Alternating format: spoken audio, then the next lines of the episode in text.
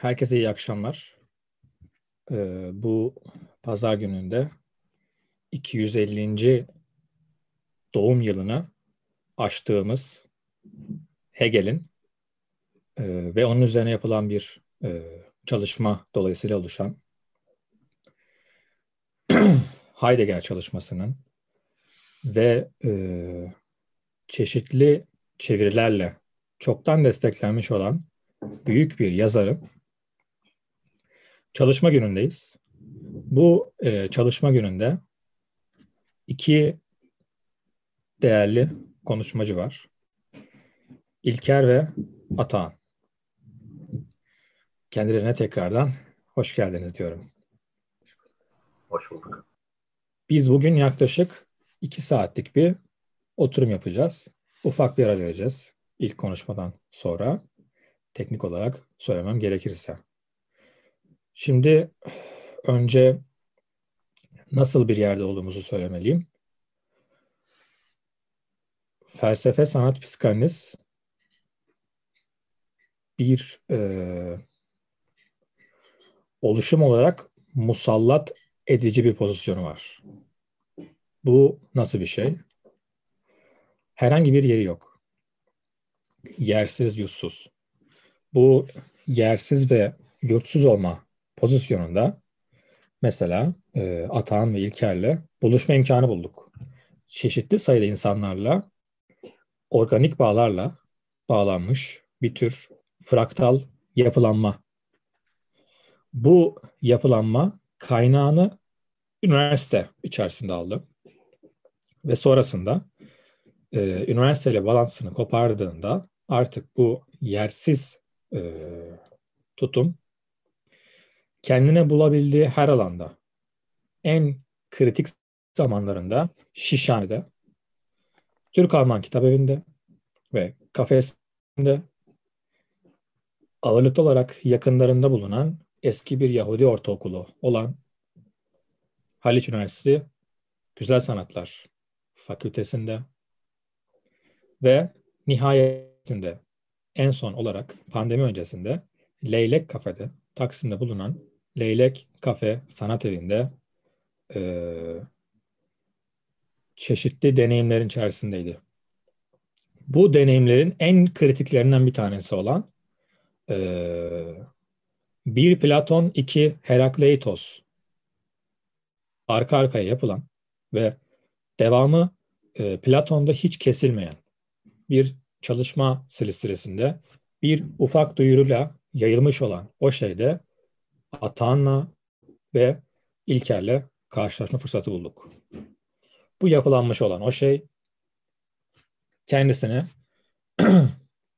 hem psikanalizin hem de işte bu kadar mesela Lacan tarafından önemsenen bu kişinin, Hegel'in yani, bir yerde yüksek sanatların kendisiyle ilgili e, çoktan hepsiyle ilgili bir meselesi olduğunu, daha bir borç ödeme noktasında bir yeri olduğunu söylenen Hegel'in,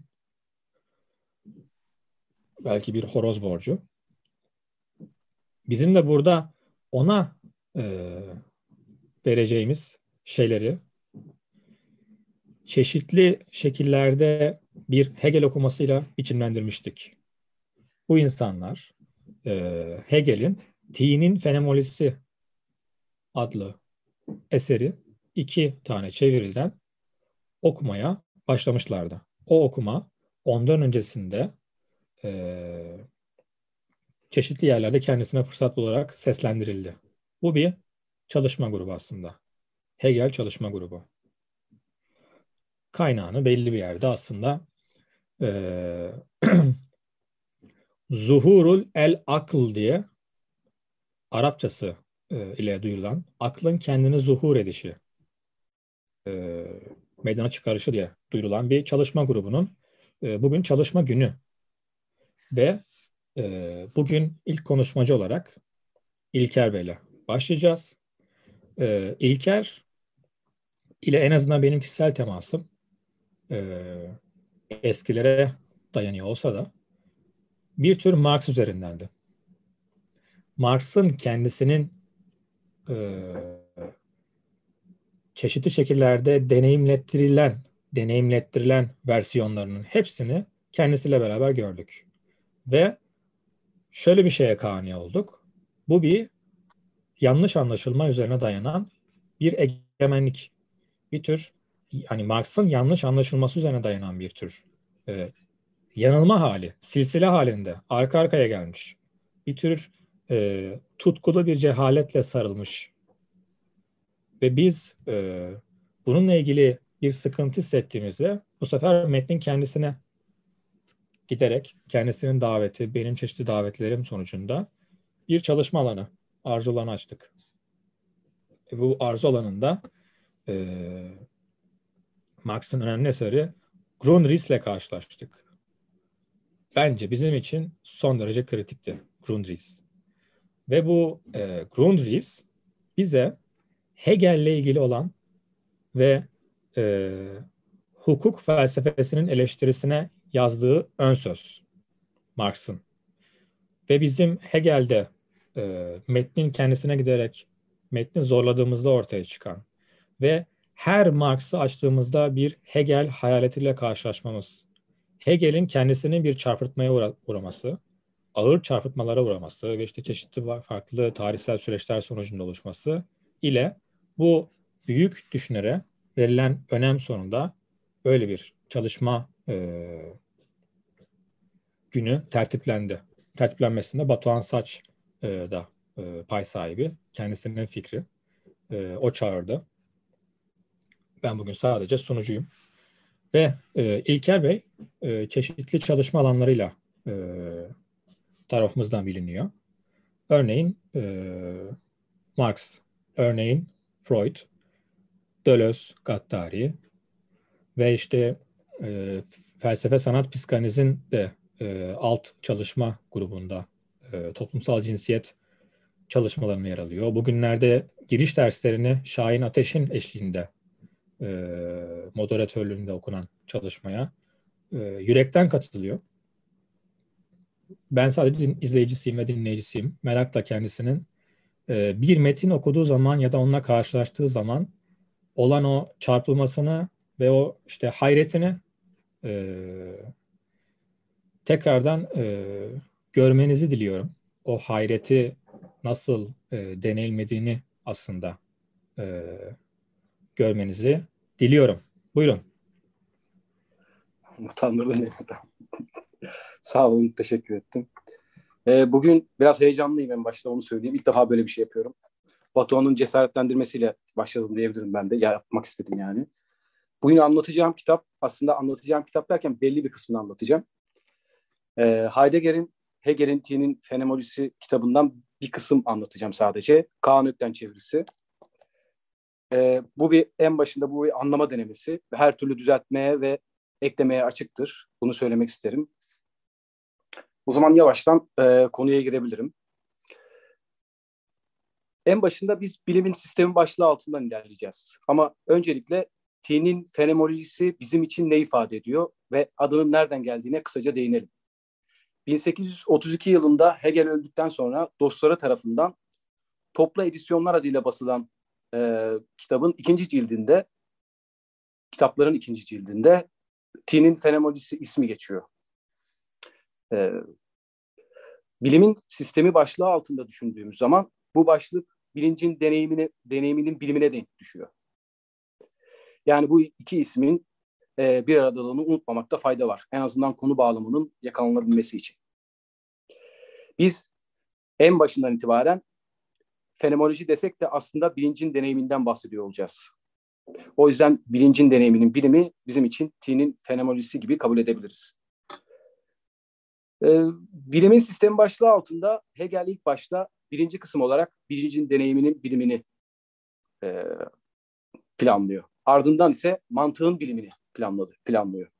Tabii 1812 yılında pardon 1807 yılında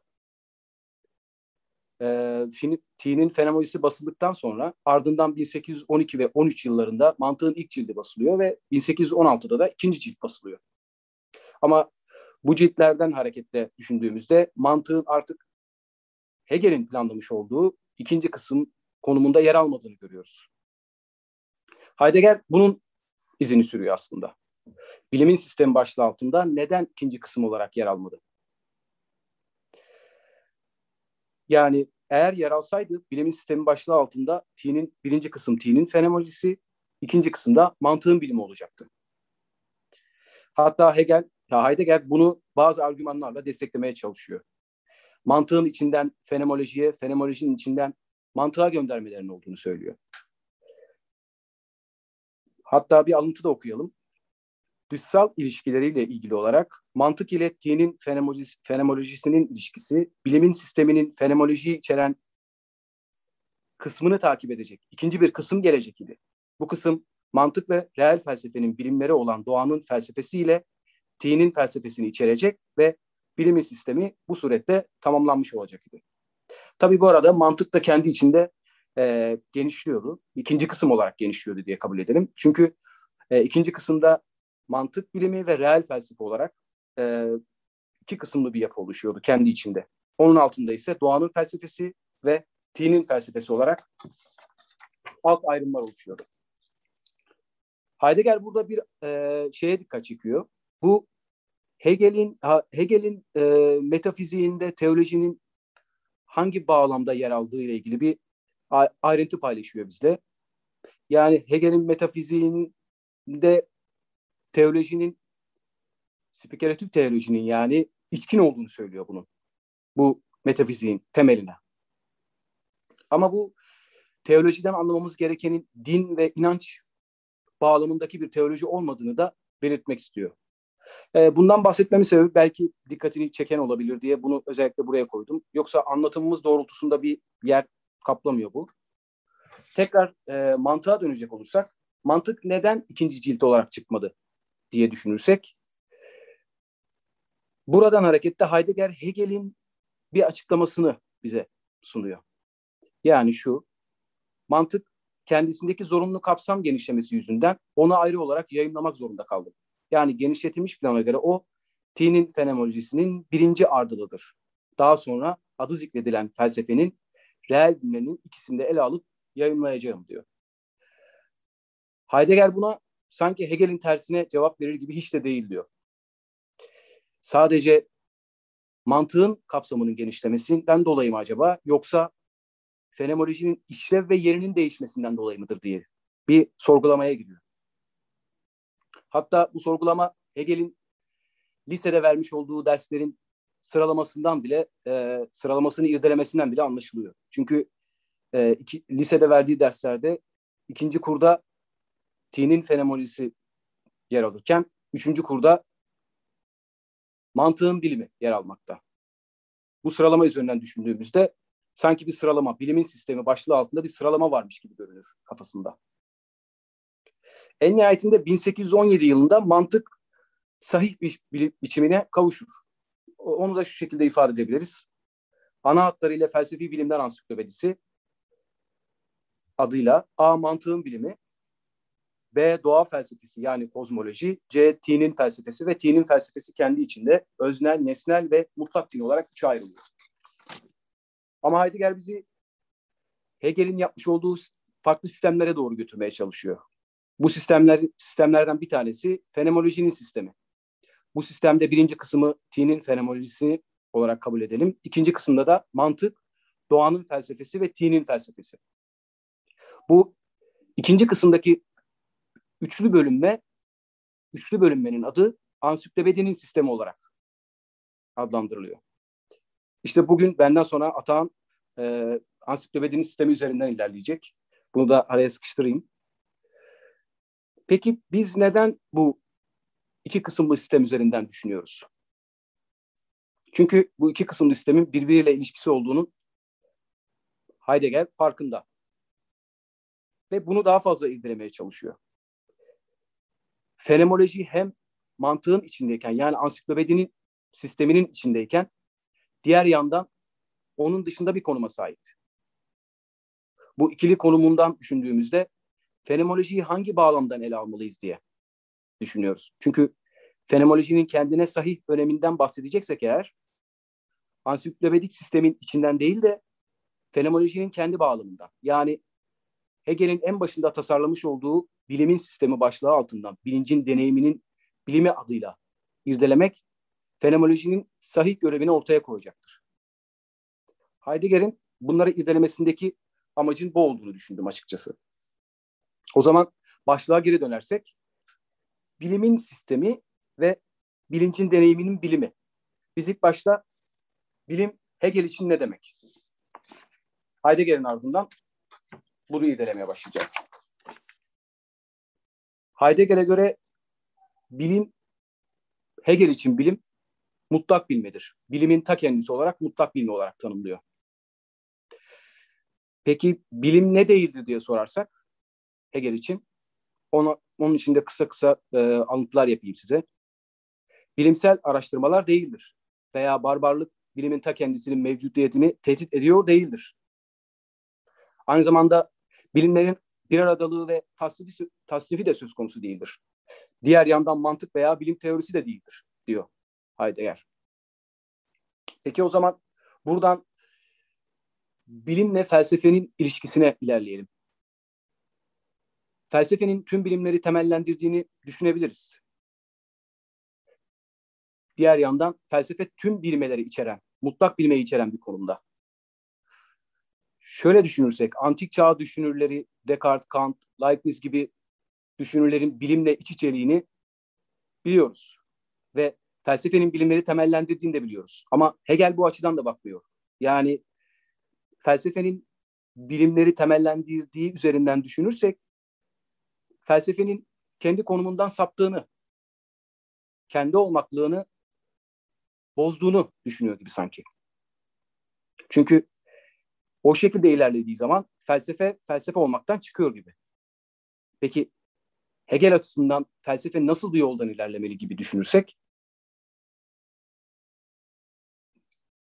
mutlak bilmenin yolunda olmalı ve bu mutlak bilme sonlu bilmeye aşarak sonsuz bilmeye doğru ilerleme olmalıdır. Ve Hegel açısından bunu ancak fenomenolojinin oluşturmuş olduğu zemin üzerinden ilerleyerek elde edebiliriz.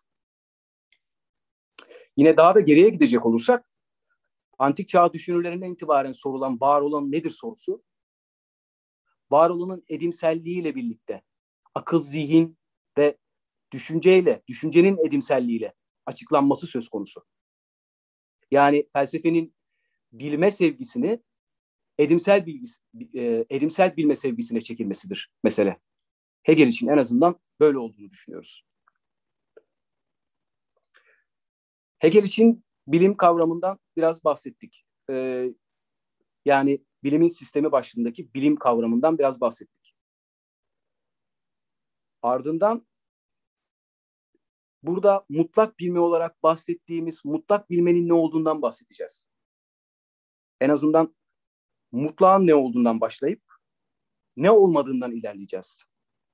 O zaman mutlak olan göreceli olmayan demek. Peki göreceli olan ne demektir diye soruyor Heidegger. Herhangi bir şeyi bilme, diğer şeyleri bilmeme veya bir şeyin başka bir şeye göre bilme gibi bir şekilde tanımlanabilir.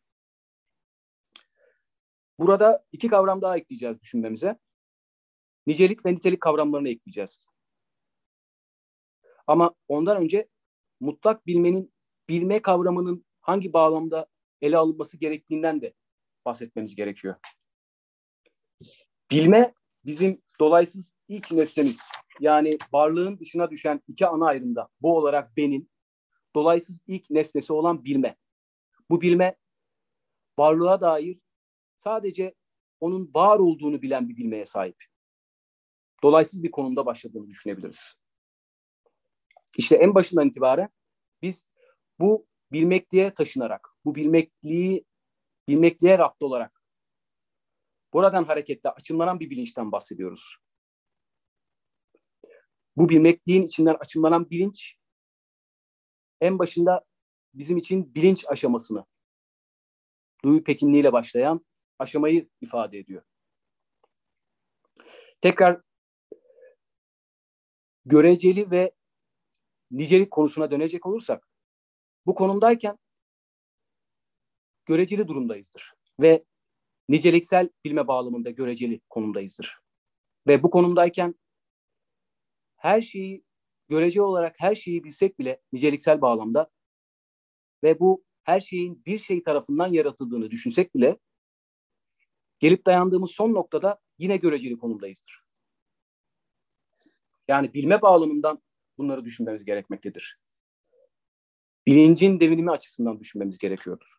O zaman bilincin bu aşamadan sonra niteliksel bir kapsayıp aşma durumunu göstermesi gerekecek. Ancak o zaman niceliksel göreceliğin içinden niteliksel bir kapsayıp aşmayla kendinin bilincine ulaşmış olacağız. Kendinin bilincinde, kendinin bilincinin bir tarafı göreceli olan bilinç tarafına bağlıyken diğer yandan kendinin bilinci akıl ilişki içindedir. Tekrar kapsayıp aşma potansiyelini barındırmaktadır. Ki aştığında da akıla yani mutlak bilmeye varmış oluyoruz. Mutlak bilmeye vardığımızda yani niteliksel olarak niceliğin sınırlılığından bahsettiğimiz gibi niteliğin de sınırlılığından bahsediyoruz. Bu akıl durumundayken. Bu sınırlılık durumu bizim için çokluk olarak kabul ediliyor. Yani en nihayetinde niteliğin de sınırına dayandık ve çokluk durumundayızdır. Sınırlı çokluktan bahsediyoruz. Bu sınırlı çokluk mutlak olanla ilişkilendiğinde yine ortaya bir çokluk çıkıyor. Bu çokluğun ilişkilendirme görevi de felsefeye düşüyor diyebiliriz. Bilimin ta kendisi olarak. Çünkü bu çoklukların tesadüflüğe bırakılmaması gerekmekte. Ve eğer mutlak bilmeden bahsediyorsak, mutlak bilme kendini sistem olarak açımlıyor. Yani sistemin içinden sistem olarak açımlayarak bu ilişkilenmelerin, bu çokluktaki ilişkilenmelerin tesadüflüğe bırakılmadan akıl yoluyla sistem içinden ifade edilmesi söz konusudur. Eğer bu ilişkilenmeleri yapmazsak Hegel'e göre aklın kendi kendiyle pençeleşmesine neden oluyoruzdur.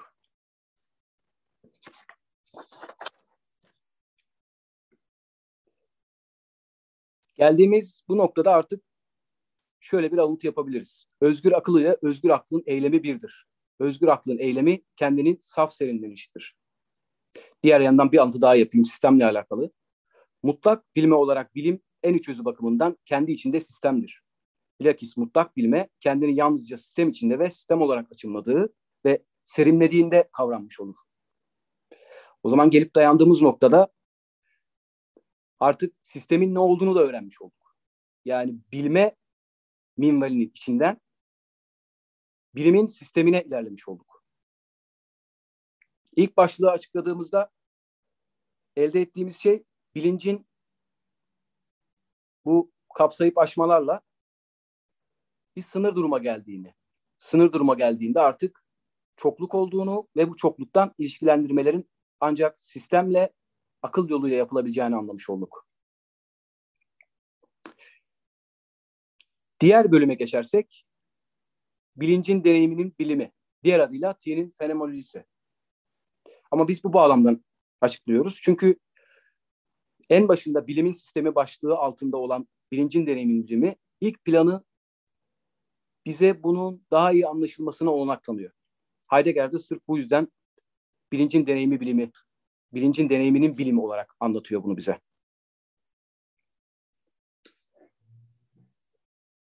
Hegel için deneyim ne demektir inceleyeceğiz burada. Buradan en sonunda tine ulaşmış olacağız deneyimle birlikte.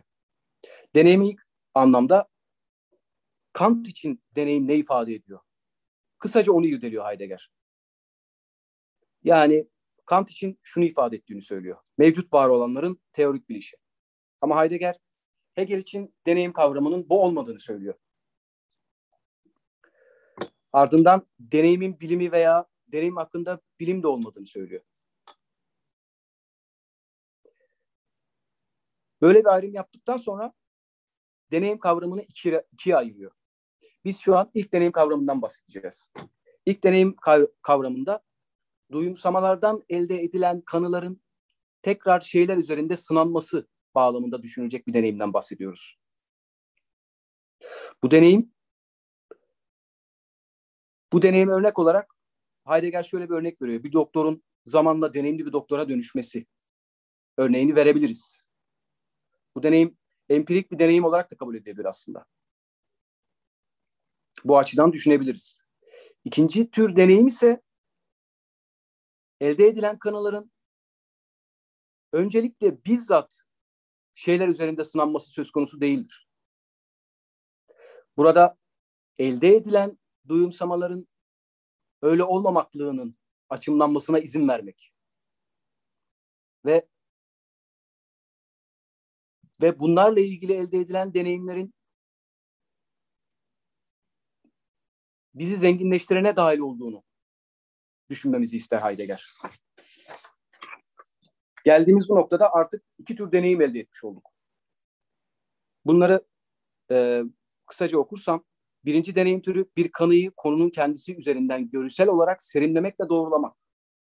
İkinci deneyim türü ise hakikatte nasılsa konunun kendisinin kendi olarak onaylanmasına yani doğrulanmasına imkan tanımak. Heidegger birinci deneyim türünden tekrar ilerliyor ve farklı deneyim türlerinden bahsediyor. Aslında en baştan söyleyebiliriz. Bu farklı bir fenomenolojik görüşü ifade ediyor. Serimleyici görü kavramını geniş tutarsak diyor. Sadece duyumsamalar yolu ile elde edilenin e, tekrar duyumsamalardan sınanmasından öte, şey üzerinde sınanmasından öte, elde edilen kanının özgörü yardımıyla irdelenmesi ve tekrar şeyde sınanması. Burada belirleyici olanın özgörünün yardım olması. Hatta şöyle bir örnek veriyor. Özne yüklem arasındaki ilişkinin görünün elde ettiği kanıyla çözülemeyeceğini söylüyor gibi. Ancak burada özgörünün devreye girmesi gerektiğini ve ancak o zaman özne yüklem arasındaki yapının ilişkisinin çözülebileceğini söylüyordur. Buraya kadar deneyim kavramlarından bahsettik. Şimdi aslında deneyimin ne olmadığından bahsettik Hegel için. Kısaca Hegel için deneyimin ne olduğundan bahsettik ama şimdi tam olarak Hegel için deneyim nedir? Hegel için deneyim elde ettiğimiz kanıların öyle olmamaklığının hakikatinin açılmasına olanak tanımak olduğunu söyleyebiliriz. Ve bu açılmayı sağlayacak olan şey bilincin deneyiminin içinde gerçekleşiyor. Deneyim bilincin kendi kendisinin kendi üzerinden yaptığı bir deneyim. En net anlamıyla böyle söyleyebiliriz. Heidegger bizi şöyle bir çıkmaz sokağa sokuyor. Bilinci deneyimin nesnesi olarak kabul edebilir miyiz diyor. Buna hayır cevap veriyor. Çünkü bilinci deneyimin nesnesi olarak kabul ettiğimizde farklı bir fenomenolojik yola girmiş oluyoruz. Sanıyorum ki burada Husserl'in fenomenolojik bağlamına yakın bir fenomenoloji sunuyor. Yani Husserl'in yapı halindeki bir bilinç üzerinden nesnelerin bilincine dair incelemesinin o andaki bilinç üzerinden, bilinç tümlüğü üzerinden bilincin incelenmesi söz konusu oluyor. Bu bizim için ilk olarak bilincin nesne alması, nesne olarak alınması durumu. Ama Hegel için düşünürsek, Hegel için bilincin deneyimini ilk olarak özne almalıyızdır. Çünkü bu deneyim içinde bir özne vardır. Sonrasında öznenin bizim nesnemiz olduğunu kabul edebiliriz. Tekrar daha da geriye dönersek, varlığın dışına düşen iki ana ayrıma, yani bu olarak ben ve bu olarak nesneye, bu olarak benin ilk dolaysız nesnesinin bilme olduğunu kabul edersek, bu bilmeklikle açılan bilinç durumunun, kendini bilme durumuna ilerlemesinin en başında kendi karşısında duran olarak nesneyi yani kendinde olanı kendi içinliğiyle birlikte bilinç için yaptığı anda artık bilincin açımlanması, devinime girmesi, deneyime girmesi söz konusudur. Bu devrimin sonunda vardığımız nokta artık bilincin deneyiminin ulaştığı akıldır.